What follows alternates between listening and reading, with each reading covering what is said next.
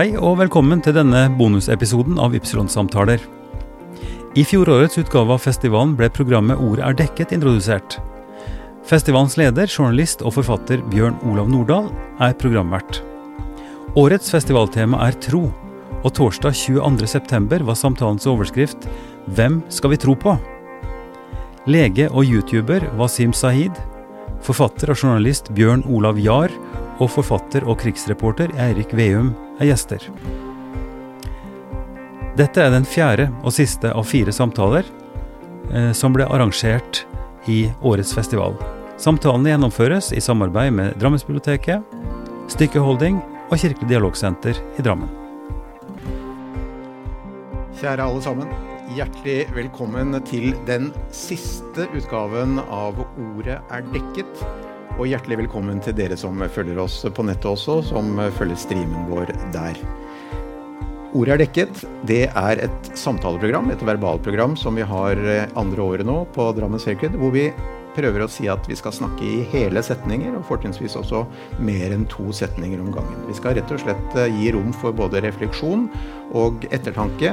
Og vi har invitert eh, forhåpentligvis spennende folk, eller jeg vil si jeg er helt sikker på at det er spennende folk, eh, som kan hjelpe oss til å tenke rundt viktige temaer. Dette er ikke noe debattprogram. Dette er en samtale hvor vi forhåpentligvis skal bli litt klokere. Og eh, i, år, i, i kveld så skal vi snakke sammen under tittelen 'Hvem skal vi tro på?' Og i en verden som er full av konspirasjonsteorier og ekkokamre og kryssende interesser av ulike slag, så er det litt vanskelig å orientere seg. Og Da håper vi at kveldens gjester kan hjelpe oss til å bli litt klokere i å manøvrere i det landskapet. Vi skal eh, ganske snart få møte forfatter og journalist Bjørn Olav Jahr, mannen som snudde Baneheia-etterforskningen på hodet. Vi skal få møte Eirik Veum, som er både forfatter eh, og eh, journalist, og ikke minst krigsreporter i NRK. Og aller først så skal vi møte Wasim Saeed, han eh, er ikke bare spesialist i indremedisin og hjertesykdommer ved Drammen sykehus, men du er også forfatter. Og han blir kalt for legeinfluenser. Hvordan er det å bli kalt influenser i vår tid? ja, det er ikke noe jeg har et forhold til. Jeg føler meg absolutt ikke som en influenser. I hvert fall ikke de assosiasjonene man gjerne får med, med, det uttrykket. Du og Sofie Elise, liksom? Ja. Mm -hmm. uh, ikke noe vondt om henne. Hun er sikkert kjempeflink.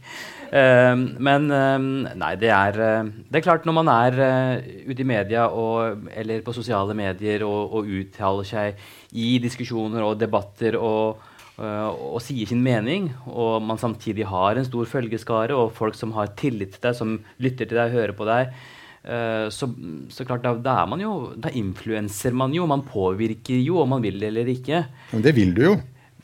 Ja, det kan du si. Altså, uh, jeg, er så, jeg, jeg, er egentlig ikke ute etter å påvirke folk så veldig mye i den ene eller andre retningen, men jeg er mer eh, for å tilgjengeliggjøre kunnskap og informasjon, og at folk skal bli mer opplyst. og få, få, den informasjonen de trenger, og, og, kunne tenke selv og gjøre opp sine egne meninger. Mm, du har 53 000 følgere på Instagram. Nei, det er faktisk 78 000. Oi, oi, oi, oi, oi! Kan man se hvor feil man kan ta? Ja. Og 74 000 på YouTube. Ja. Du, Hvordan vet du nøyaktig hvor mange du har? man kan jo gå på en app og sjekke, men eh, jeg er veldig heldig som har en eh, far som er en sterk støttespiller. da så det er han som pleier å ringe meg og oppdatere meg om de siste tallene. Hvor ofte, hvor ofte ringer han, da? Vi snakkes flere ganger i uka. Og det er ikke alltid han har eh, de siste tallene, men det er et tilbakevendende tema. Han er fornøyd med andre ord? Ja, ja, det er han som sitter og følger med på kurvene for å se om de går oppover eller nedover. Det er veldig gøy. Du, jeg, har, jeg har hørt en liten anekdote om uh, søsknene eh, Said eh, som ble intervjua som barn. Da dere satt i sofaen ved siden av hverandre, og så ble dere spurt om hva dere skulle bli når eh, det, dere skulle bli voksne. Og så var det sånn eh, Eldstemann lege, nestemann lege, tredjemann lege. Og så sitter minstesøster der og nøler litt og får en albue i sida, så sier hun 'lege'. Eh, så dette har du visst lenge at du skulle bli lege? Ja, jeg har uh, Jeg har egentlig det, og jeg eh, hadde bestemt meg for det helt siden eh, jeg var en liten guttunge på bare, ja, før jeg begynte på skolen nærmest også. Og det var igjen noen genistreker fra foreldrene mine sin side. da De eh, plantet jo på en måte den interessen i hodene våre. Um, det var ikke sånn at de tvang oss til det eller på en måte uh, overbeviste oss om det. Men de jobbet med underbevisstheten vår. og jeg husker at vi pleide å, Da vi var små, så fikk vi sånne bøker, barnebøker da, om biologi og anatomi og kroppen. og sånt, slik at de på en, måte, veldig, på en veldig smart måte plantet de frøene i hodene våre. da. Men da jeg søkte på medisin, så var det jo først og fremst fordi jeg ønsket å bli lege selv. Ja, hvordan ble resultatet for de fire søsknene? Eh, du, det er eh, Av de fire så er to av oss er eh, leger, og, og en er tannlege. Og hun siste hun uh, jobber inn, også innenfor helse. Ja, Der kan man se. Det lønner seg å plante tidlig. ja, det kan man kanskje si. Mm.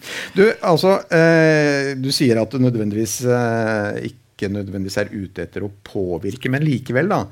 Altså, det er ikke så lenge siden uh, VG uh, publiserte en sak om Twitter nei, en sak om eh, Vladimir Putins eh, helsesituasjon. Mm, mm. Da var ikke du så, da nølte du ikke så lenge med å liksom rykke ut på Twitter og mene noe om det.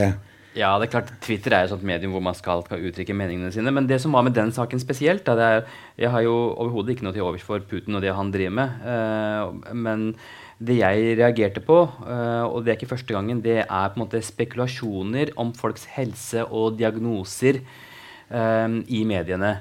Uh, vi har sett det tidligere bl.a. Med, med Trump, den amerikanske presidenten, som jeg heller ikke har noe til overs for. Men også der var det snakk om at psykiater skulle ut og sette diagnoser på at han hadde en personlighetsforstyrrelse. eller hva det måtte være. Og, og, nå var det også med Putin basert på han, måten han holdt et bord på, at han hadde det var snakk om han hadde fått noe hjerneslag eller hva det var. altså Masse spekulasjoner da, om, om, folks helse. Og det har også vært andre eksempler. Uh, og, og, det jeg, jeg, vet ikke, men det, det, er bare noe som på en måte byr meg imot. Fordi uh, jeg vet hvor vanskelig det er å stille diagnoser, og hvordan vi jobber med det. Vi har jo en pasient foran oss. Uh, man har lange samtaler, og så er det forskjellige tester, undersøkelser. Eh, og kanskje da klarer man til slutt å stille en diagnose. Det er jo slett ikke alltid at vi medisinere klarer å sette en diagnose selv da engang. Og da syns jeg det er godt gjort av hva var det for noe? Var det økonomiprofessor og det var noen andre journalister som på en måte hadde kommet sammen og funnet på diagnoser om, uh, om Putin? da. Uh, Men det, da rykker du ut? Ja, da rykker jeg ut. Da, for da føler jeg på en måte jeg føler at ja, altså vi, kan, vi, skal jo selvfølgelig diskutere folk og, og, presidenter og ledere. og i hvert fall sånn Når de holder på på den måten der og fører krig og brutalitet, så skal de eh, diskuteres hardt. Eh, men det er likevel noe med helse og, og, kropp og noe av det næreste man har. Eh, så jeg føler at det går en slags grense der mm. eh, på hvor mye vi kan omtale, og hvordan vi skal omtale andre mennesker. Også mennesker vi misliker og er sterkt uenig i. Mm. Durek, f.eks.? Ja. ja. Du tok et oppgjør med han òg, du? Ja, men ikke noe altså, det, var jo, det, det, var jo på en måte uh, Pga. uttalelsene han hadde der. ikke sant? ja, men Han hadde påstått da at uh, mye sex med mange menn ville sette spor i, mm. varige spor i kvinners vagina. Mm. Da tok du, tok du, til Twitter og Nei, du, YouTube. YouTube var det ja. da faktisk. ja. Mm. ja. Det var jo en sak som var betent i Norge på den tiden. Uh, og det var mange som var opprørte. Uh, og, og, det var, eh, følte jeg, i hvert fall et savn uh, etter at noen fagpersoner eller annen kom og sa noe.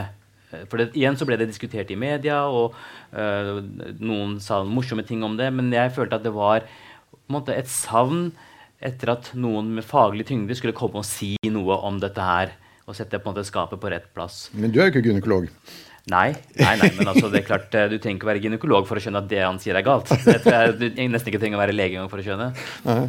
Men, men altså, Føler du et eller annet sånn form for altså, slags kall til å gjøre dette her? Altså, hva altså, er det har, som driver deg? Ja, det er veldig godt Jeg har tenkt ofte på hvorfor jeg skal liksom være i media, og hvorfor jeg skal liksom drive med formidling. For det er det jeg først og fremst uh, liker å gjøre. Og jeg, jeg, vet ikke hvorfor. Det kan være når man jobber med vitenskap Vi som på en måte jobber med vitenskap, har jo en sånn uh, ryggmargsrefleks om at kunnskap skal være offentlig, og det skal, de, det skal deles. Kunnskap som ikke deles, er verdiløst. Det er ikke noe vits i å ha en bok som ingen leser. Eh, så Det er det ene. Og det andre det er Jeg har bare en sånn greie om at når jeg, hver gang jeg ser et eller annet som er spennende, eller leser et eller annet, en artikkel eller en bok som jeg syns er, er interessant, så er min første tanke at dette må jeg dele med andre. Dette må andre få høre om også. Mm. Eh, så det er bare Jeg vet ikke hva det er, men bare sånn trang til å dele, da. Ja, du byr jo på deg sjøl på et vis også, da. Hvordan føles det? Det er jo ikke til å unngå når du uh, skal uh, på den siden dele, men altså, på den andre siden også på en måte gi din mening om ting. Én ting er å dele objektivt, det gjør jeg jo også, men jeg, som du også har sagt, jeg også, sier også meningen min om ting. Og da, må, da, byr man på seg selv. Da gir man jo en del av seg selv i offentligheten. Det er en del av spillet. Mm, hvor går grensa henne? Jeg vil jo ikke dele private ting. Mm. Uh, man, kan, man kan være personlig. Eh, men eh, det trenger ikke bety at man er privat i det offentlige. Bare litt om Formel 1 og sånne ting. Det kan du Ja, ja Formel 1 det kan vi snakke om her òg. Det er jo på en måte Det er jo alle interessert i. ja, eller, eller, cricket. Hvordan har du det etter at Pakistan tapte for Sri Lanka? Nei, det var Cricket er som Cricket er for oss pakistanere og indere eh, som det på en måte mm, femmila og sånt er for dere, da. Uh, vi har et veldig, nær, altså, veldig, personlig forhold til det. Uh, og når det er VM i cricket, så, så stopper jo Pakistan og India opp, bokstavelig talt da er det liksom veldig vanskelig å få til noe i offentlige etater og kontorer, for det er stengt. Alle følger med på cricket, og det er jo historier om folk som får hjerteinfarkt under kampene fordi de, synes de er så engasjerte. og er så... Ja, da er det jo viktig at du er til stede. Ja, jeg er dessverre ikke i Pakistan, da. Nei da, men du, jeg, jeg, snakket nettopp med noen kollegaer som var på jobb mm. og skulle intervjue noen i et pakistansk forum i det kampen gikk mellom Sri Lanka ja. og uh, Pakistan. Okay. Alle sammen satt sånn under bordet og lot som de fulgte med på møtet en gang. Nei, men du, spøk til side her. Eh, du tar stadig vekk oppgjør. Altså en tilfeldigvis en kickbokser som uh, sier noe om depresjon, f.eks. Mm. Uh, kan jo være at han er et forbilde for mange unge mennesker. Mm. Og da er du på plass. Igjen, altså. Mm. Hva tenker du at uh, det du gjør, fører med seg. Altså mm. dine refleksjoner, dine mm. utlegninger. Det er jo sterkt medium du har. altså TV-media er jo det sterkeste vi har i video. Altså dette her, Det du snakker om nå, det er jo denne eh, fyren som heter Andrew Tate. Som er en britisk-amerikansk tidligere kickbokser, som da etter hvert har lagt opp og blitt en sånn internettfenomen. Uh, og som er, uh, forkynner veldig spesielt til unge gutter og menn Eh, om, eh, og hans idé om maskulinitet, hvordan en ordentlig mann skal være. Eh, og, og, sier da en del ting og har en veldig stor følgeskare. Spesielt da unge menn. Gutter. Jeg har jo selv eh, sønner som er på en måte 18-19-20 år, og som også da lytter til uh, han. da. Eh, og, og, og, det, det, er jo ting han sier som er Um, noe av det er sikkert greit, men mange av de tingene han sier, er dypt problematiske. Blant annet så sa han at uh, det at du er deprimert, depresjon, det kan du takke deg selv for. Fordi Hvis du ikke kommer ut av depresjon, så er det fordi du ikke har den rette innstillingen. At du ikke på en måte gidder å ta tak i det. Som jo er helt feil fra et medisinsk ståsted. Han har sagt veldig nedlatende ting om kvinner. Uh, når han omtaler kvinner, så går det veldig ofte i kjønnsorganer og underliv. Uh, og han mener at det kvinner egentlig vil, det er jo at uh, de vil ha en mann som på en måte krever respekt, og som nærmest setter dama på plass. Uh, og, og, flere den type ting, drøye ting. Antageligvis, som han sier, for å skape litt blest og show. Men så ser jeg også at det er unge gutter som trenger et, uh, kanskje et maskulint forbilde. kanskje som savner et, et ideal for hvordan en mann skal være. Og så finner de disse tingene hos han. Og de, og de, lar seg påvirke av det. Og det er en hel generasjon. Det er mange som, på en måte, som, som følger han. Uh, og, um, og, og, da uh, tenker jeg at det er veldig viktig at det er noen voksne stemmer, noen ja, kanskje uh, mannlige forbilder, da, spesielt kanskje, som da går foran og sier at nei, sånn er det faktisk ikke. Det er ikke sånn at kvinner ønsker å bli satt på plass. Hvis du går med den innstillingen inn i et forhold, så blir det et kortlivet forhold. Mm. Uh, Uh, og så det er, jeg, jeg, tenker at Noen ganger så er det viktig å ta til motmæle. Uh, og jeg har også faktisk veldig mange unge menn som følger meg, spesielt på YouTube. Uh, og, og, og, har muligheten til å nå ut til mange. Så tenker jeg at det er um, Kanskje er det da noen som jeg kan, Kanskje jeg kan få noen til å tenke seg om et par ganger ekstra da, mm. før de velger å følge eller lytte til en sånn person. Så du tenker at du utgjør en forskjell? Jeg ønsker å gjøre det, i hvert fall på visse ting. så ønsker jeg absolutt å gjøre, utgjøre en forskjell. Og dette her er, jeg, jeg har selv unge eh, gutter, unge menn da, som sønner som skal ut i verden. Og jeg vil jo ikke at de skal ut med disse holdningene her. Jeg har også en datter som skal finne seg en eller annen mann i denne aldersgruppen. Jeg vil ikke at hun skal finne seg en mann som har slike holdninger. Mm. Så det er jo også en egen interesse i det. Og Det vi snakker om nå, uh, er jo en verden av ikke ikke redaktørstyrte medier. Du tar jo for så vidt oppgjør med redaktørstyrte medier også. Men eh, liksom, hvis vi nå holder oss til denne verden da, av eh, Og det er jo en jungel. Eh, er, altså, noen ganger kan man jo føle at det er sjanseløst. Fordi hele den der sosiale medieverdenen er på en måte sluppet så løs at det er ikke mulig å nøste inn noe som helst. Hva tenker du om det? Jeg tror det stemmer. Eh, det er massivt. Altså, det er jo så mange som er der ute og skal ha sine meninger og, og uttale seg. Og spesielt da, hva skal jeg si, en slags demokratisering av kringkasting. Da. Nå kan jo hvem som helst kringkaste seg selv og nå ut til hele verden i løpet av noen få sekunder. Og folk gjør det. Og disse folkene blir lyttet til og sett på. Eh, så, så, og da tenker jeg ok, det, det, det, jeg da kan gjøre, er å se, også da være til stede. da. Eh, jeg kan jo ikke redigere YouTube eh, eller Facebook eller hva det måtte være. Men man kan prøve å utgjøre en forskjell ved å selv være til stede. Mm. Burde flere gjort det? Ja, det syns jeg, og det tror jeg mange gjør også. Jo, hvis du ser på Facebook, så er det et veldig stort engasjement. Folk er jo med og diskuterer og sier meningene sine.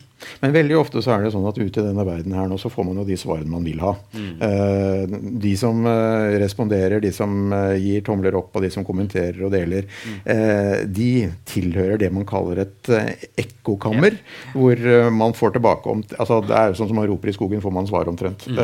og hva, hva tenker du om det? altså er det ikke liksom Davids kamp mot Goliat, dette her, da? Jo, det, er, eh, det, har du dessverre helt rett i. Og det er jo som det er gjort forskning på dette her som viser at uh, man, tenkte jo opprinnelig at sosiale medier skulle være et sted for refleksjon og samtale og diskusjon og utveksling av ideer og uh, sammen prøve å bli klokere, men det er jo absolutt ikke sånn det er. Folk oppsøker sine egne miljøer. I den grad de deler informasjon på nettet, så er det for å befeste og styrke sitt eget standpunkt allerede. Eh, så dette rommet for en eh, meningsfull eh, og intellektuell samtale, det er veldig lite og nærmest ikke eksisterende. Og det er, et, det er et problem, det er en realitet med sosiale medier. Jeg har ikke noen løsning på hva man skal gjøre med det akkurat. Men bare å prøve å bryte inn og strekke opp ei hand og si hallo. Ja. Uh, ja. Mm. Du, uh, du blir ikke hekta sjæl, da? Altså sånn uh, like-hekta? Jo, det er klart. Eh, det er jo, eh, det er jo voldsom dopaminrush som ligger i det å være på sosiale medier. Det å, eksempel, hvis du eh, lager en video på YouTube eller legger ut noe på Instagram som får veldig mange likes eller får veldig mange visninger, så gir det jo en veldig god følelse. Mm. og gjør at du har lyst til å gjenta den handlingen. Eh, så det er jo avhengighetsskapende. Og jeg er ikke noe spesiell, eh, jeg. jeg er som alle andre, jeg. Jeg er, liker også ros. Så du er på kjøret? ja, absolutt. altså, sånn er det jo. Ja, det, ja. Hva, gjør du, hva, hva, gjør du, med det der, liksom? Altså, hvis, det kan jo på en måte ta overhånd og bli det eneste som ja, står rundt altså, oppi huet? Det, dessverre. Uh, hvis du er veldig aktiv på sosiale medier, så blir det jo jeg merker på meg selv at ofte så burde jeg egentlig vært til stede i en samtale rundt et middagsbord, eller hva det er, så er tankene et helt annet sted. Og tankene de er hva er det neste jeg skal publisere? Hva er det neste jeg skal lage innhold på? Hva er det neste, jeg skal, hva er det neste manus jeg skal skrive? Så du blir veldig sånn, eh, fraværende da, i stedet for å være til stede i nuet. Ja, Hvordan blir det utslagsgivende i forhold til dine egne barn f.eks.? Jeg prøver jo å ha, klart jeg prøver å ha bevissthet rundt det. Mm. Uh, og uh, tenker at uh, for så har Vi regler vi skal ikke ha mobiltelefoner på middagsbordet. Uh, vi skal jo ikke, Og når vi sitter sammen Vi prøver å ha en stund hvor vi sitter sammen i stua og for ser på en serie sammen på TV. eller ja. en film sammen, Og ikke sitter på hver sin mobiltelefon. Så vi prøver jo å gjøre ting for å være mer til stede for hverandre. da. Tipper dere har sett på Drive to Survive? vi, vi, du, vi, eh, vi, var fans av Formel 1 før Drive to Survive. Ja. Så vi, ser på Formel 1-race sammen. Men du, eh, vi, må, vi, må, snakke litt om en periode som vi har lagt bak oss, nemlig en periode med pandemi. For her er, det, her er det jo interessante ting som har skjedd, og du har også på en måte vært ute i mm. eh, hva skal vi si, stormen. eller hva det kan være. Vi må snakke om Chartersveien og Kari Jakkesson, rett og slett. Mm. Eh, fordi du valgte rett og slett å dundre løs mot Kari Jakkesson i nesten 20 minutter mm. på YouTube. Hva var det som skjedde? Jeg kan jo først uh, si først og fremst Du får fortelle at, hvem hun er, da. sånn at jeg, jeg, tror alle vet hvem Kari Jakkesson er. Uh, men, men, jeg kan jo først si, før vi skal på en måte hamre løs på andre, så kan jeg si at jeg selv gjorde jo også noen tabber i pandemien. Uh, før pandemien kom hit til Norge, så, og det var begynt å bli litt sånn snakk om det, så, jeg, så var det et sånn, Dagsavisen da, de ringte meg og ville ha et intervju, fordi da hadde vi begynt å snakke om pandemien. Og da var jeg bråkjekk. Da, så sa jeg at denne, dette her snakker vi ikke om øh, om to måneder. eller noe sånt. Så jeg, jeg var ferdig med dette om to måneder? Ja, det var noe sånt. Jeg sa, og, og, og, det var sånn Jeg vet ikke hele stemningen i det intervjuet. Vi gjorde det på telefon, og jeg var liksom bråkjekk, og jeg tenkte her må jeg si noe kult. Og så sa jeg Og, og bomma jo totalt, ikke sant. Um, jeg trodde jo at dette her skulle bli sånn som det var tidligere med SARS. Eksempel, at, at de i Kina og sånn, de klarte å kontrollere det. Og så ble det ikke noe mer spredning. Uh, og så tenkte jeg at det skjer sikkert nå også, men det skjedde jo absolutt ikke. Det spredte over hele verden. Så også jeg tråkka jo i salaten. Um, men dette er med Kari Jakkesson, men etter hvert så skjønte jo jeg av hvordan det gikk, og da tok jeg meg selv sammen og, og ba oss om unnskyldning for det. Og så jobbet jeg i stedet iherdig med å gi uh, informasjon om, uh, ja, om smitte og om sykdommen og viktigheten av å følge retningslinjene for å forebygge smitte og alt dette her. Og ikke minst vaksine. Ja, og ikke minst vaksine. Så var jo da liksom, Kari Jakkesson som uh, da var aktiv, og hun um, var jo veldig kritisk til at man i det hele tatt skulle ha um, restriksjoner i samfunnet på det tidspunktet. Uh, og la en video ut om det. Uh, og da følte jeg at her er det viktig at noen tar til motmæle og, og, forteller at det hun sier, ikke er riktig. Og det lagde bl.a. en video på YouTube som ble jo voldsomt populær da, med over en halv million visninger. Mm. Hva var det du sa for noe til henne? Nei, jeg gjorde egentlig ikke noe annet enn at jeg Hun hadde Jeg tok utsagnene hennes én og én og bare gikk gjennom de. Og, og, og, la frem da dokumentasjon på at det hun sa, var feil. Så det var egentlig bare en sånn slags faktasjekk. da. Uh, og uh, bl.a. viste til alle de tallene, smittetallene rundt omkring i verden. Viste til alle dødstallene rundt omkring i verden eh, viste til effekten av eh, smitteforebyggende tiltak og den type ting. Så det var en ren sånn fra min side i hvert fall en ganske nedpå objektiv objektivt svar til henne. da. Men det var jo noe som folk satte veldig stor pris på. at det var noen som sa. Ja, Så har vi Chartersvein som brenner munnbind foran Stortinget og ja, holder på. Så... Eh, igjen, da. Eh, mm. Du tar til motmæle. Ja, og igjen så føler jeg at det er eh, behov for at fagfolk er til stede. Og, er, eh, og, jeg, og under pandemien så har det blitt mye bedre. Fagfolk har i veldig stor grad vært til stede i media og på sosiale medier også for å være med å nyansere og korrigere når, når den type ting kommer. Da. Men hvorfor er det sånn at konspirasjonsteorier eh, om at eh, Storebror eh, ser deg, storebror er ute etter deg, staten vil deg bare vondt. og Dette er en, av, en del av en internasjonal uh, forfølgelse, det å ta mm. vaksine. Hvorfor får sånne konspirasjonsteorier ekstra næring i en sånn periode som vi har vært igjennom? Det som er så bra med konspirasjonsteorier, det er jo at altså, verden er et veldig usikkert sted. Det er veldig uvisst. Det er egentlig veldig lite vi vet veldig sikkert. Det konspirasjonsteorier gjør, det er jo de, de gir deg et svar. De gir deg en fasit. De gir deg en, en, en forklaring på hvordan en forklaring da, på hvordan ting henger sammen. Og det er noe veldig forløsende og veldig måte, tilfredsstillende over det. Når du er i en tid hvor alt er uvisst og uklart, og så kommer det noen og forteller at nei, nei, sånn er det, se her. Det er jo opplagt at det er sånn. Se på det, se på det, se på det. Trekk de linjene. Bare se. Og så får man veldig sånn tilfredsstillende følelse. ikke sant? Uh, og, og, i hvert fall og i en tid med pandemi hvor det var jo ekstremt mye usikkerhet. Ingen visste hvor viruset, hvordan det kom, hvor det kommer til å gå, hvor mange som kommer til å bli syke, hvor mange som kommer til å bli innlagt, hvor mange som kommer til å dø. Kommer vi til å få noen vaksine? Vil vaksinen fungere? Er det bivirkninger av vaksinen? Altså masse spørsmål. Og folk er veldig usikre, og da er jo, det er jo på en måte eh, perfekte vekstmedie for konspirasjonsteorier. For da kan du gi svar. Og så fikk de jo rett da når AstraZeneca-vaksinen førte til blodpropp. Ja. Eh, og du eh, hadde jo til og med tatt den sjøl og hatt korona sjøl. Mm. Eh, følte du at det var litt i mo motbakke der? Eller? Eh, nei, jeg, jeg, følte, altså jeg, jeg, fikk jo korona før jeg fikk vaksinen. Ja, okay, så okay. det var jo uh, Nei, ikke sant. Det, men igjen, det, det, at, det at den AstraZeneca-vaksinen ble eh, vist seg å være eh, skummel konspirasjonsteoretikerne tok jo det til sin inntekt. Liksom, Jaha, se, hva er det vi har sagt hele tiden? Den vaksinen er farlig. Mens vi som var på den vitenskapssiden, kan du si, da, hvis, det, hvis man kan si på den måten, vi tenkte at dette her er en seier for vitenskapen. For det er sånn det skal være. Vi prøver noe. Vi får data, vi samler inn data på en metodisk måte. Så er det noen kloke forskere rundt omkring som fanger opp ting. Og så samler vi mer data, og så vi, får vi enda mer kunnskap. Det er sånn vitenskap er. Uh, så jeg mener jo at den AstraZeneca-saken viser bare at vitenskapen fungerer. Mm. Men man kan jo tenke noen ganger at det du gjør da, når du går ut og mener ting, sier ifra, dette, og kommer med det som man kan kalle for evidensbaserte argumenter, mm. at det er et slags sånn Sisyfos arbeid. altså Han der grekeren som rulla steinen opp, og så rulla den ned opp på andre sida, og fram og tilbake, fram og tilbake. Ble aldri ferdig med å rulle steinen sin. Er litt på samme måten? Jeg vet ikke. Jeg, jeg, tror nok at det utgjør en viss forskjell. Og jeg merker i hvert fall at folk, eh, eh, kanskje pga. pandemien og etter pandemien, har blitt mye mer Altså de, de, følger med, de eh, leser seg opp, stoler på vitenskapen. Så jeg tror ikke det er helt, uh, helt forgjeves, nei. Mm. Men uh, det finnes en stor del, eller en stor flokk der ute som fortsatt er overbevist om at uh, vaksine det er djevelens verk. Vet du, jeg tok en, vet, På Twitter så kan man ta sånne spørreundersøkelser. Mm. og jeg har jo da liksom, over 65 000 følgere, så jeg kan få ganske mange svar. da. Så jeg spurte bare følgende spørsmål, jeg stilte følgende spørsmål for noen dager siden. Dersom myndighetene La oss si at du er under 65 år og helt frisk, altså ingen risikofaktorer, men dersom myndighetene nå i høst anbefaler at du skal ta en ny dose med koronavaksine, hadde du gjort det eller ikke? Og det var faktisk over 70% som svarte at ja, de hadde fulgt myndighetenes Hvor mange svar fikk du da? Det var basert på 3000-4000 svar. Mm. Så det er jo ikke et lite sample. Det er, ikke det samme som å gjøre en ordentlig spørreundersøkelse.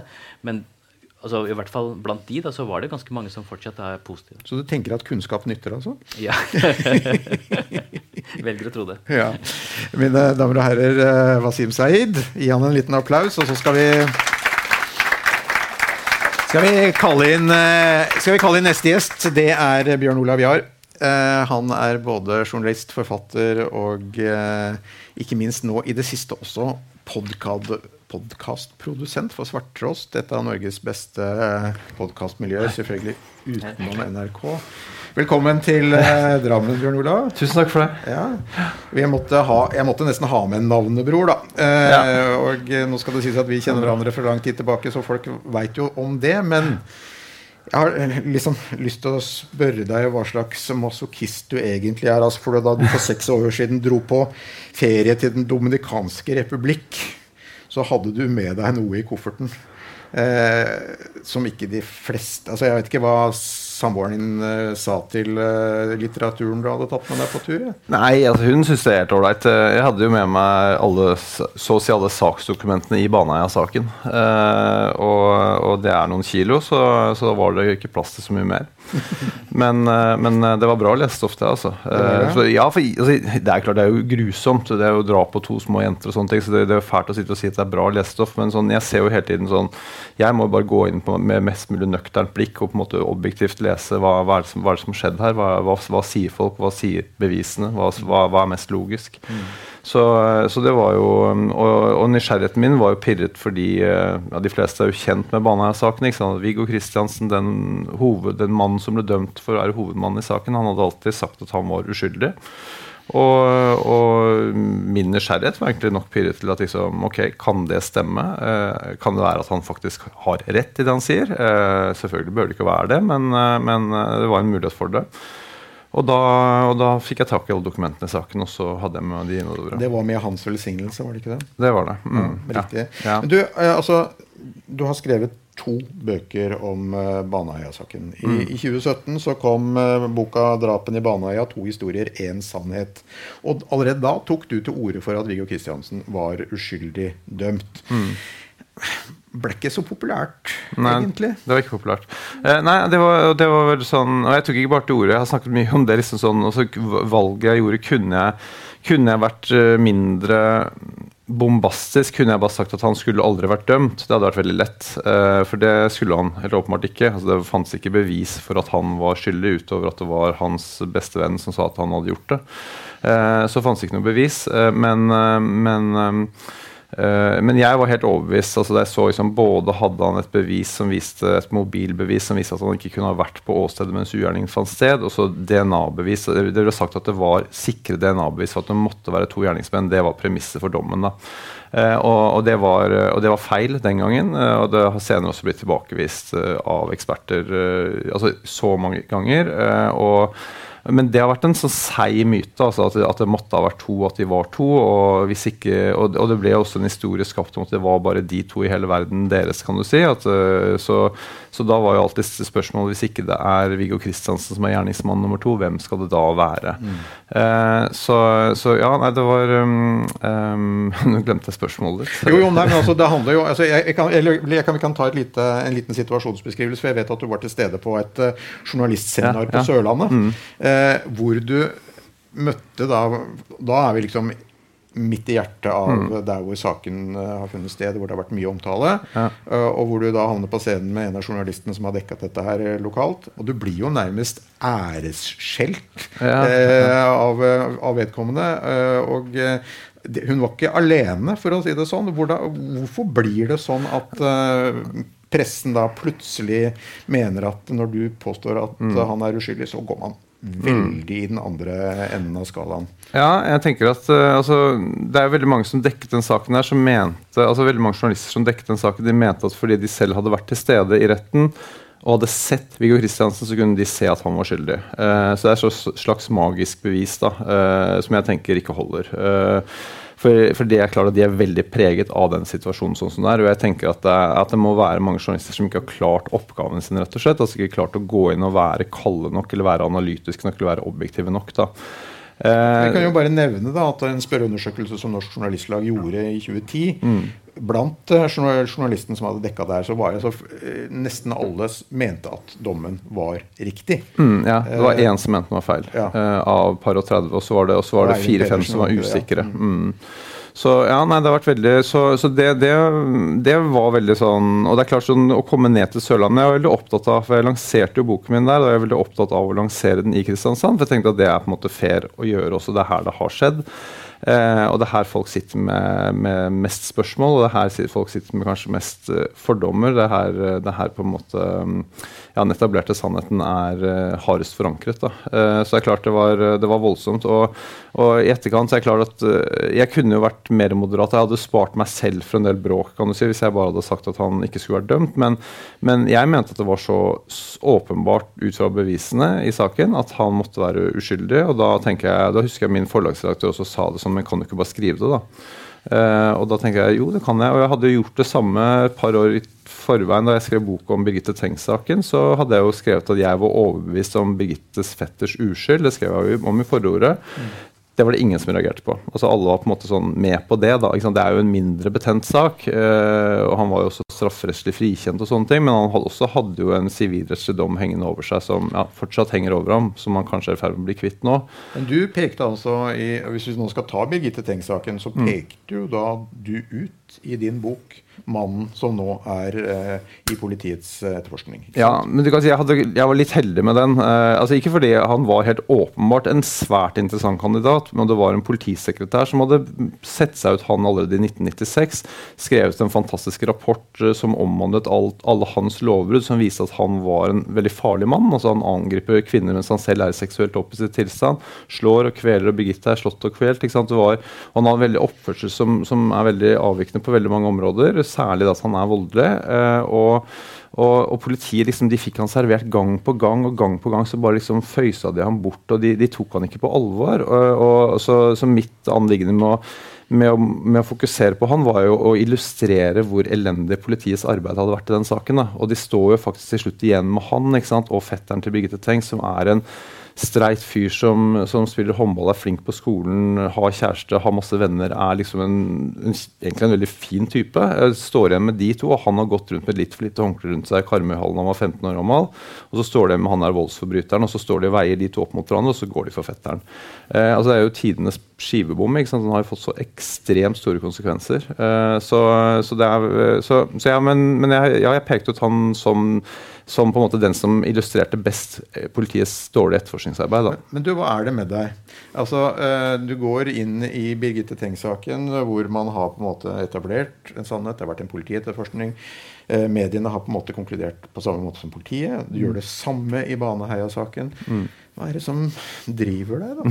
Nei, men jeg, altså, min egen drive er veldig enkel. Altså, jeg syns jo det er det mest spennende jeg kan jobbe med. Altså, sånn, for, for, meg, bare det å liksom, ha med meg alle disse saksdokumentene eh, Jeg syns det er utrolig spennende hvis jeg kan liksom, brette ut alle dokumentene utover kjøkkenbordet og sitte og på en måte sånn og, og legge, altså, Det blir på en måte som å legge et stort puslespill. Da, og da blir det på en måte da, Ok, Man kobler seg på en måte litt ut av virkeligheten også, fordi man bare går inn i oppgaven, men, eh, men det er virkeligheten det dreier seg om. Så det er jo veldig viktig å være veldig metodisk og grundig. Eh, men, men, som Birgitte var eh, Det var greit å gjøre, og, det var, og det, reaksjonen også var positiv. Og, og der har det så skjedd liksom, store ting i den saken. Men, men Baneheia var Jeg var ikke forberedt på det bråket som skulle komme. Altså Jeg trodde liksom, jeg var litt naiv. Jeg tenkte liksom, ok, nå bare gjør jeg skikkelig arbeid. Jeg argumenterer godt for hvorfor jeg mener han er uskyldig. Og så, og så, for, og så gikk det jo, ble det jo veldig veldig betent. Men jeg, jeg, men jeg syns jo aldri at uh, Det var aldri noe, noe interesse for å, altså Alle debatter som har vært i etterkant, har aldri vært med noen så Jeg har aldri møtt sitte på scenen med noen som har vært uenig med meg. Fordi ja, De folka som er uenige, de vil ikke sitte på en scene. De vil ikke, de vil ikke fordi Argumentene er ikke gode nok. De eneste argumentene som har vært igjen, er på en måte at han er dømt i to rettsinstanser, og, og, han, har fire ganger fått nei, fått nei fra Gjenopptakelseskommisjonen. Mm. Men altså, altså, akkurat som folk ikke tenke ok, det finnes jo kanskje muligheten for noen følgefeil her. og sånne ting, så Når først folk har bestemt seg, så vanskelig å få det opp igjen. da. Så, så det at han fikk gjennomtatt saken sin på femte forsøket, da, det er jo, det er jo veldig sånn revolusjonerende. Og det som er veldig morsomt, da, synes jeg på en måte, det er jo at alle de folkene som har vært så ekstremt motstandere om at han skal få gjennomtatt sin sak, de hyller da rettsstaten for han fikk gjenopptatt den til slutt. Mm. Eh, så da er det bra. ja. Men har du lest En folkefiende av Henrik Ibsen? Eh, ja, er, å, jeg har vært redaktør på bok om Henrik Ibsen. eh, så ja, jeg har Nei, lest om den. Eh, ja. Doktor Stockmann. Eh, jeg kjenner til som varslet om vannet. Ja. Kompakte majoritet. Og det er jo mm. litt sånn du holder på. Ja. Huet inn i muren og bare prøver å brøyte deg vei. Hvordan kjennes det å være den ene mot de mange? Uh, ja, altså jeg følte jo akkurat I, i, i Baneheia-saken så var det litt sånn det var, det var, noen som på en måte mente som meg. Jeg fikk jo ganske mange fine tilbakemeldinger på, på boken også. Eh, jeg, og, og, da jeg lanserte boken i Kristiansand også, så kom det veldig mange opp til meg og så sier det sånn åh, det er så utrolig deilig at du har skrevet det du har skrevet, for dette har jeg tenkt på alle år, men jeg har ikke turt å si det høyt. Jeg har knapt turt å si det ned i hodeputa. Uh, og da tenker jeg sånn Så fint, da. Det er liksom, det er, så jeg, så jeg, men jeg tror jeg er ganske sånn skrudd sammen at jeg prøver å blokke ut alle de som, som, som, sier at jeg er kjip, og så, så tar jeg til meg Oi, så hyggelig med litt skryt. Her kommer en fyr og sier at dette, dette var bra for han.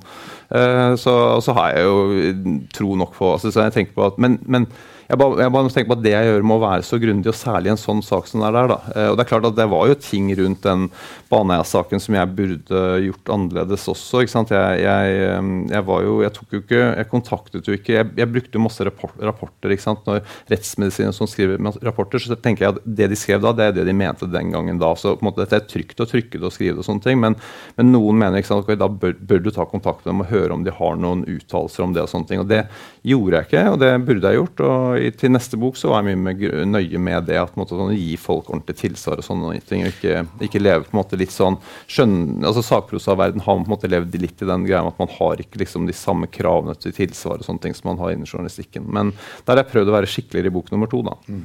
Men litt tilbake til uh, den standen som jeg også tilhører, og som du for så vidt også har tilhørt. Eh, jeg vet ikke om du definerer deg som journalist fremdeles, men du gjør kanskje jo, det. Ja. Ja, ja. Men eh, hva er det som gjør, altså hvilke mekanismer er det som virker?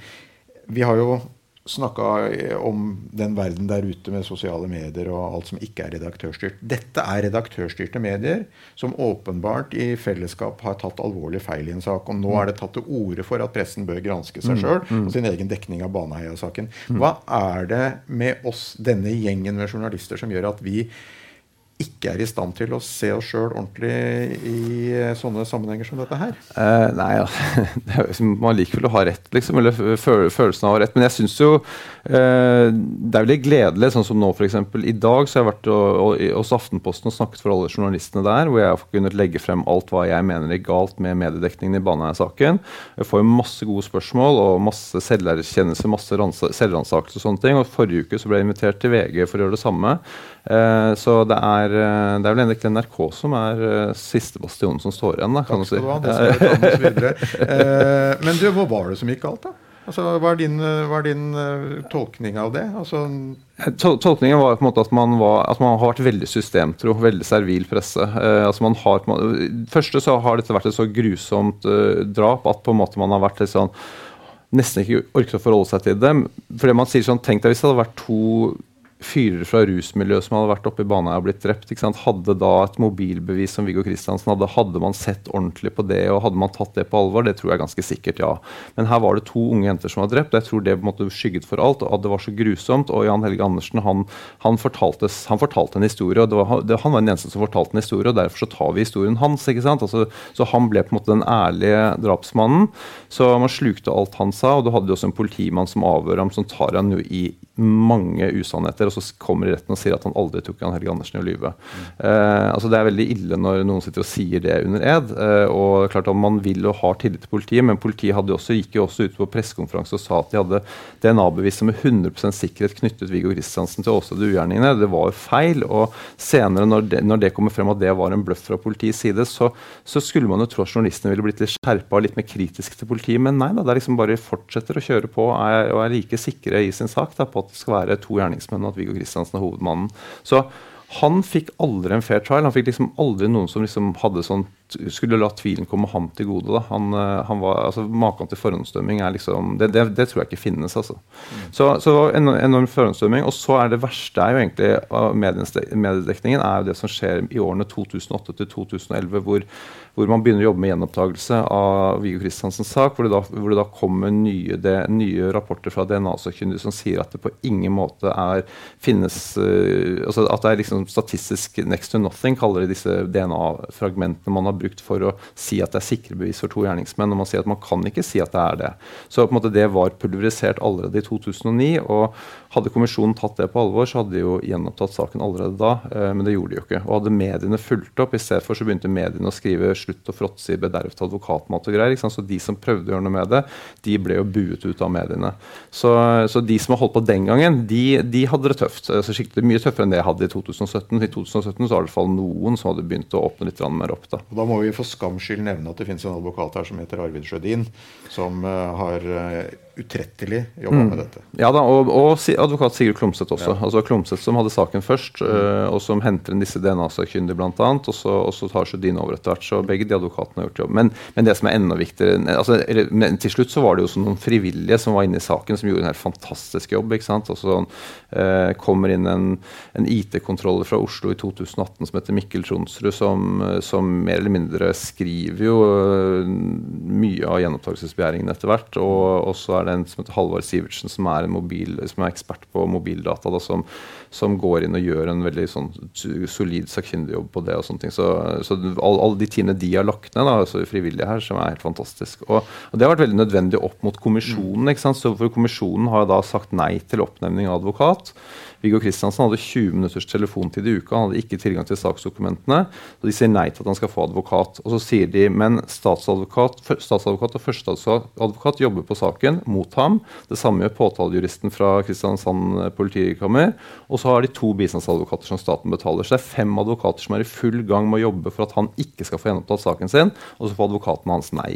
Eh, så det har vært liksom relativt lite fair game, da, eller fair play, da, kan man si. Tung motbakke. Du ville si noe? Ja, bare, bare, eh, to korte spørsmål. Et sånn faktaspørsmål bare først. Eh, jeg, jeg er ikke så godt kjent med saken, men jeg har jo fått med at Viggo Kristiansen er ute nå. Er det, hvorfor, er det fordi han nå er ferdig sonet, eller er det derfor han Ja, Han ble, ble ferdig sonet, men det var fordi han fikk saken gjenopptatt. Uh, I uh, februar 2021 så ble det tre mot to uh, stemmer i gjenopptakelseskommisjonen at han fikk saken gjenopptatt. Og da, også fire måneder senere så slapp han ut. da. da var han jo, du kan si Han hadde sonet over 20 år, men han satt Saken jo på forvaring. så han kunne bli sittende resten av livet. men den er ikke revurdert ennå.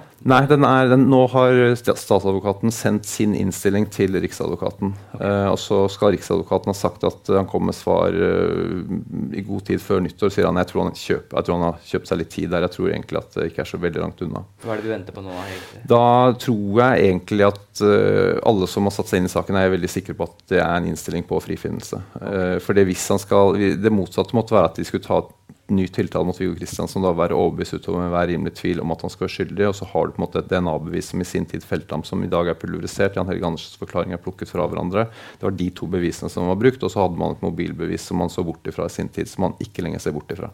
Det neste som jeg lurer på, for det du forteller om, altså hele denne saksbehandlingen rundt det, og også da pressens rolle Alt høres jo veldig ille ut. Mm. Altså, det høres jo ekstremt ille ut i mine øyne. Er det, er det, kommer det noe oppgjør med dette her, med, med disse andre tingene? Ja, det tror jeg. Altså, jeg, ser, jeg ser jo, det virker som om mediene, altså ve veldig mange mediene, er enig i at mm, pressen må granske seg selv. I hvert fall, da. Kanskje vært ålreit om noen andre gransker pressen. eh, at de ikke gjorde det selv, men, men i hvert fall noen gransker dem er jo veldig bra.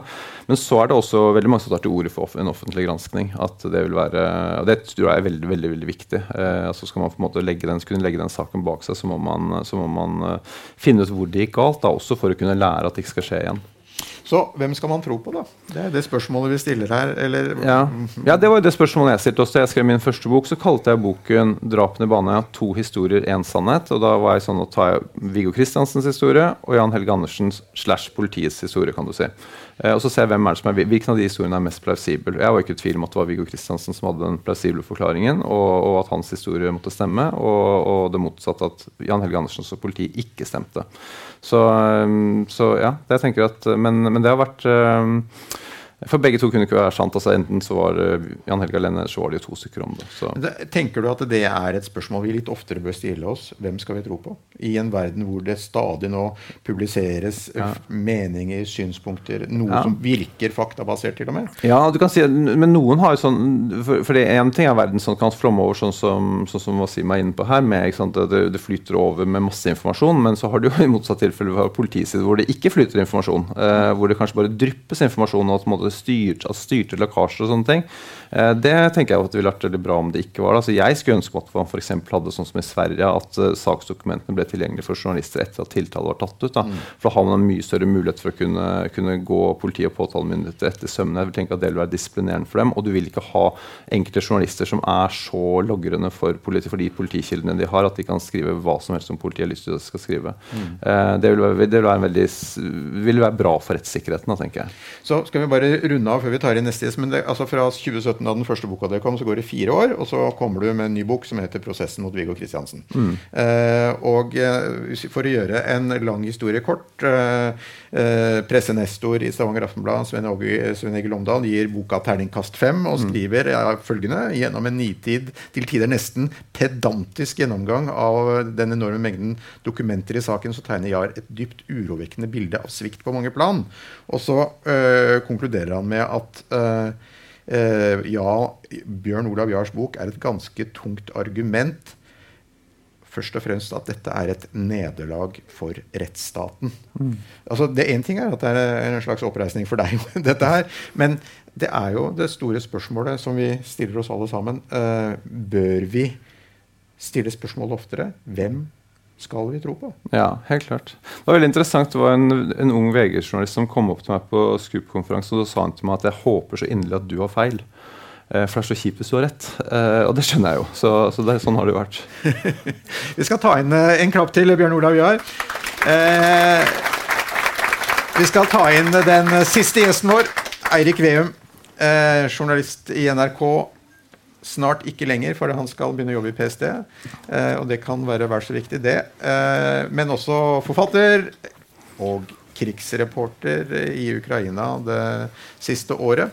Eh, vi skal begynne, Eirik, med omslagsteksten på boka di som heter 'Det svenske sviket'. For der skriver du følgende Etter andre verdenskrig har det gode forholdet mellom Sverige og Norge blitt trukket fram som en viktig del av krigshistorien. Begrepet broderfolket brukes for å understreke det nære og fortrolige vennskapet. Og vi vil fortsatt bli fortalt at under krigen ble Sverige vår redning fordi svenskene ville hjelpe oss. Men sånn var det ikke. For du tenkte du skulle drepe ei myte her, du, eller? Ja, det var jo motivasjonen for å gå inn i den materien og vise frem det at eh, Sverige, de, eh, eller svenskene de tok seg godt av Nor Norge og nordmenn den siste halvdelen av krigen. Men til å begynne med så eh, var det Tyskland som var viktigst for Sverige. Det at ikke Adolf Hitler skulle bli sinna på svenskene og ta dem. Så tyskerne brukte Sverige som en gjennomfartsåre for å kunne angripe Norge. Mange nordmenn ble drept i kamp fordi tyskerne fikk lov til å hvile ut i Sverige og, og angripe Norge derfra. Og sånne ting syns jeg var viktig å få fortalt. Hvorfor det? Nei, fordi um, fordi det er Sverige.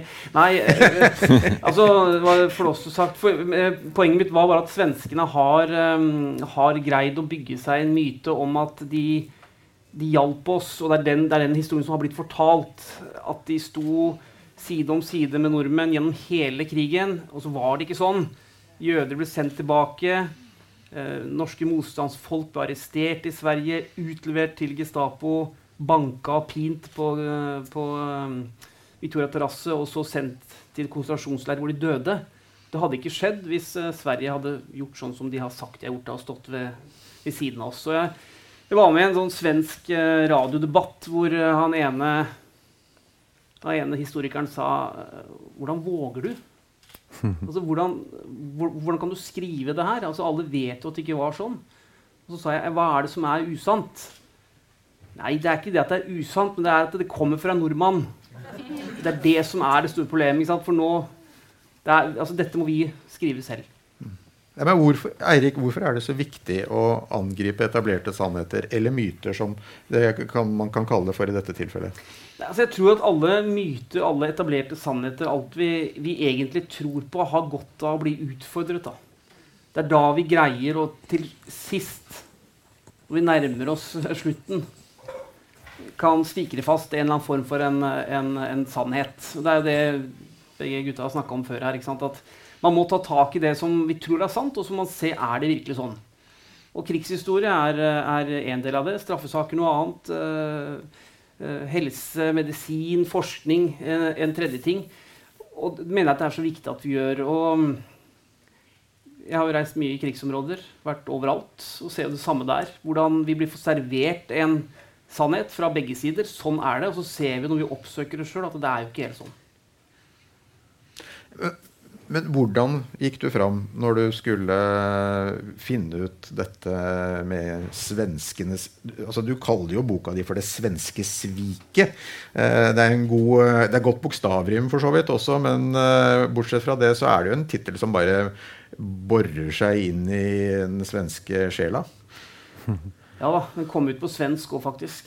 Den het eh, 'Det svenska sveket'. Og, mm. Men der hadde de bytta bilde. Jeg hadde brukt konge, kongefamilien, og det var et hakekors i bakgrunnen. Det var ikke med i den svenske versjonen. uh, det ble for mye, men um, Men hvordan går du fram? Nei, jeg, gikk i arkivene.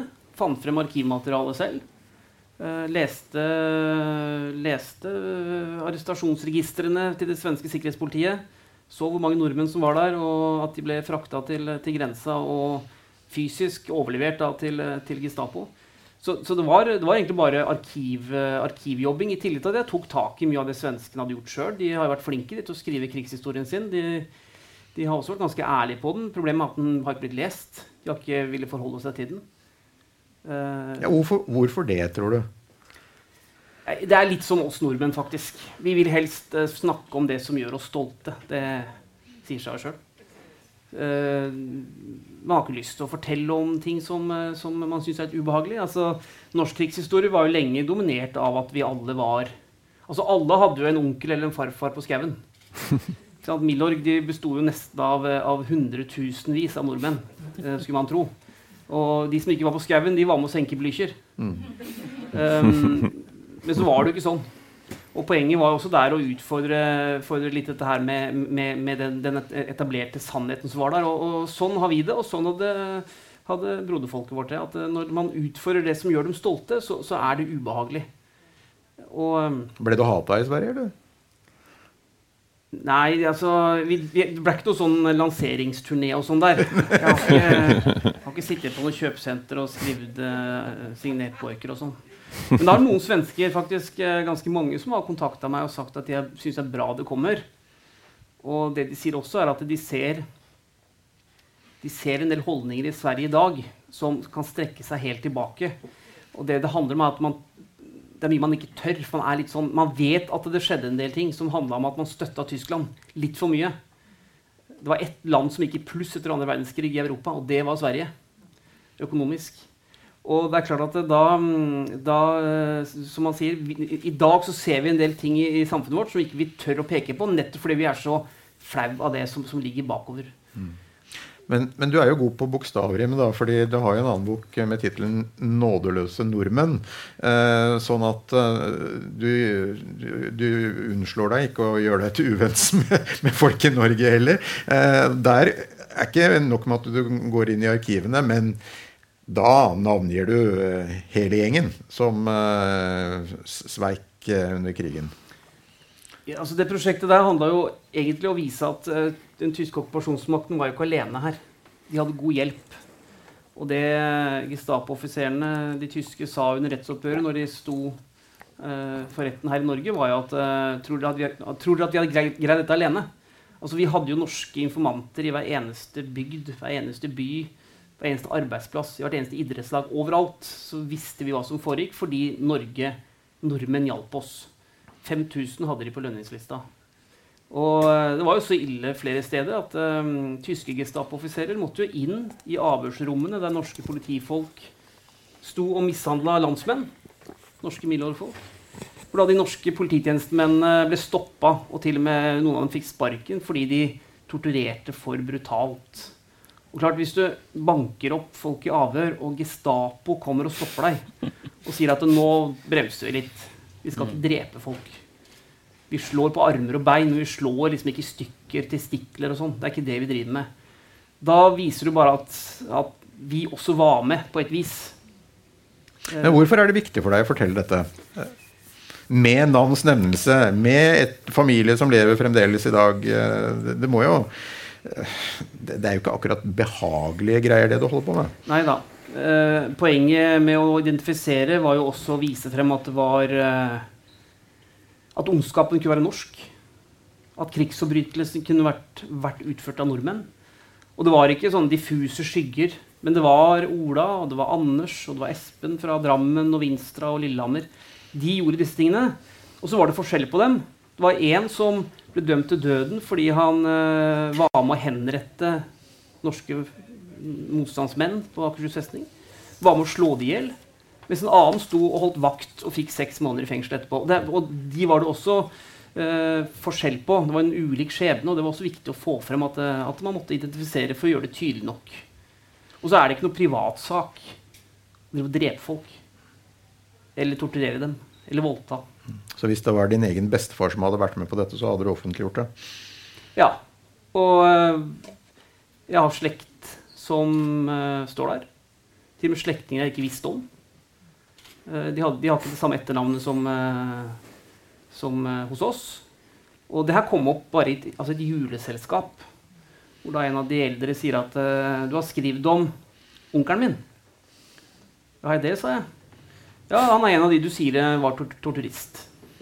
Da ble det stille rundt? Uh, det ble veldig stille. Ja. God jul. Mm. Så jeg tok frem akevittflaska og begynte å skjenke litt rundt, bare for å få opp stemninga litt igjen. Og lykkes med det. Men, men det, klart, det var overraskende. Så jeg har jo hatt det tett innpå sjøl. Mm. Men altså da relativt nådeløs mot dine egne også? Ja, det kan ikke være noe for... Altså, skal, man, skal man gjøre sånn, så må man gjøre det ordentlig. Og, og, og blir det sånn at man plukker ut hvem man skal dra frem, og sånn, så blir det, blir det, bare merkelig. Det må jo være et sånt Kall det et rettferdig, et rettferdig prosjekt. da. Hva tenker du dette gjør med den offentlige samtalen? da? Mitt mål, og det tror jeg vi oppnådde, var å løfte av et Eller rive av et plaster. Og så få den eh, holdningen eh, opp og frem om at dette var faktisk greit å snakke om. Dette er ikke noe som går i arv. Det er ikke sånn at eh, Hvis man har en oldefar som var med på disse tingene, eller en oldemor som var angiver, så er man et dårlig menneske. Det var et forsøk på å alminneliggjøre at vi var med på begge sider. Og eh, første nådeløse Eller i og for seg de som falt, så var om falne på, eh, i Waffen SS, som var norske, der ble det veldig mye spetakkel. På den første nådeløse boken så ble jeg politianmeldt. På den siste, som kom to år etterpå, så var det nesten ingen som brydde seg. Og ett år etter det så åpnet Riksarkivet hele Landsriksarkivet. Og i dag så er dette her ikke noe tema. Eh, om, noen, om, en, måned kommer jeg med en ny bok hvor jeg har navngitt eh, de Milorg-folkene som var med på å likvidere landssvikere. Og der tror jeg vi skal få en ny runde, for det tror jeg det er et siste tabu som er igjen.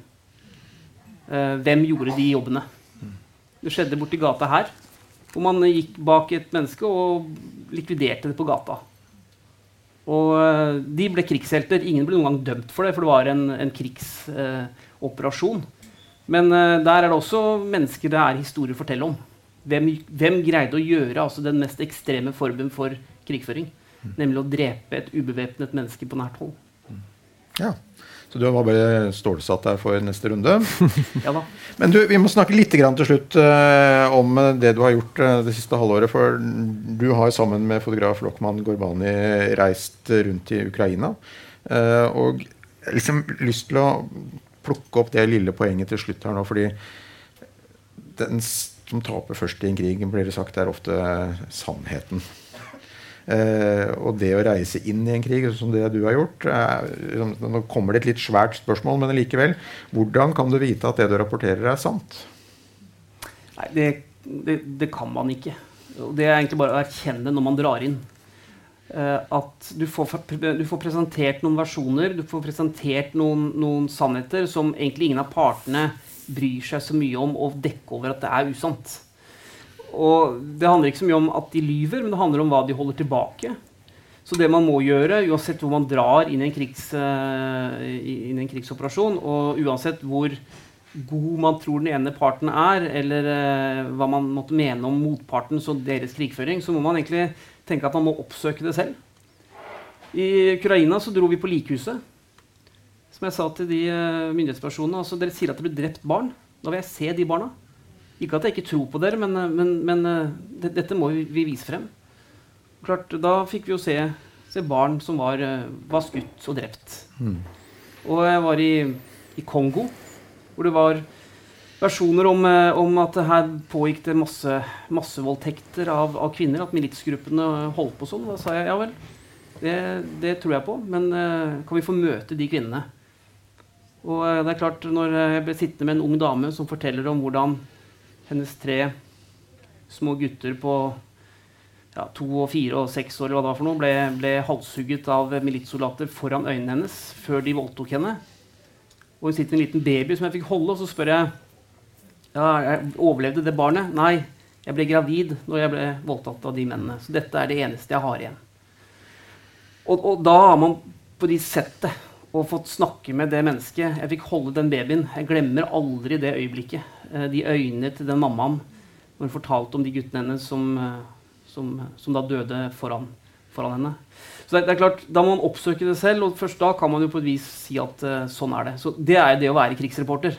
Å, å stå og snakke med talspersoner, det, det kan hvem som helst gjøre. Mm. Tenker du at du har rapportert uh, feil noen gang? Nei, jeg, jeg, jeg, har jo valgt å tenke at det, det, vi har gått ut med, det har vært, uh, vært riktig. Men jeg har blitt sensurert. Og jeg har fulgt norske styrker hvor jeg har fått beskjed om at uh, dette, dette, kan du ikke rapportere om. Ikke at jeg har gjort noe galt, men det kan være hvor de har vært. Eksempel. jeg har vært med amerikanere hvor, uh, hvor alt stoff blir sett gjennom. De er veldig tydelige på at noe, noe skal ikke vises. Um, Hvordan føler du deg da?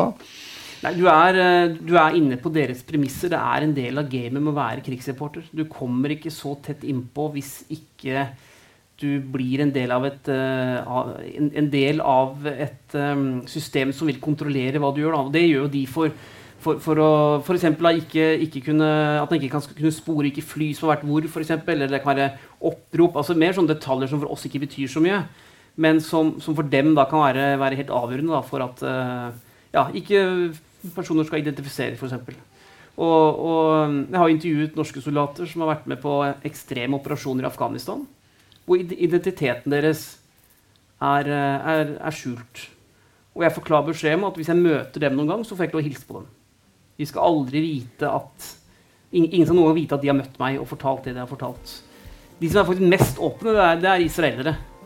Ja, såpass? Ja, det er faktisk, uh, Ingen tror det, men altså, min erfaring er Og jeg har vært ute med soldater fra veldig mange land. er at de gir egentlig blaffen. Vis det som det er, sier de. De har rett uansett. Så de, de, de tenker litt annerledes. Jeg tror vi skal sette strek der. Vi har holdt på i en drøy time. Tusen takk til Wasim, til Bjørn Olav og til Eirik for at dere tok dere tid til å komme til Ordet er dekket.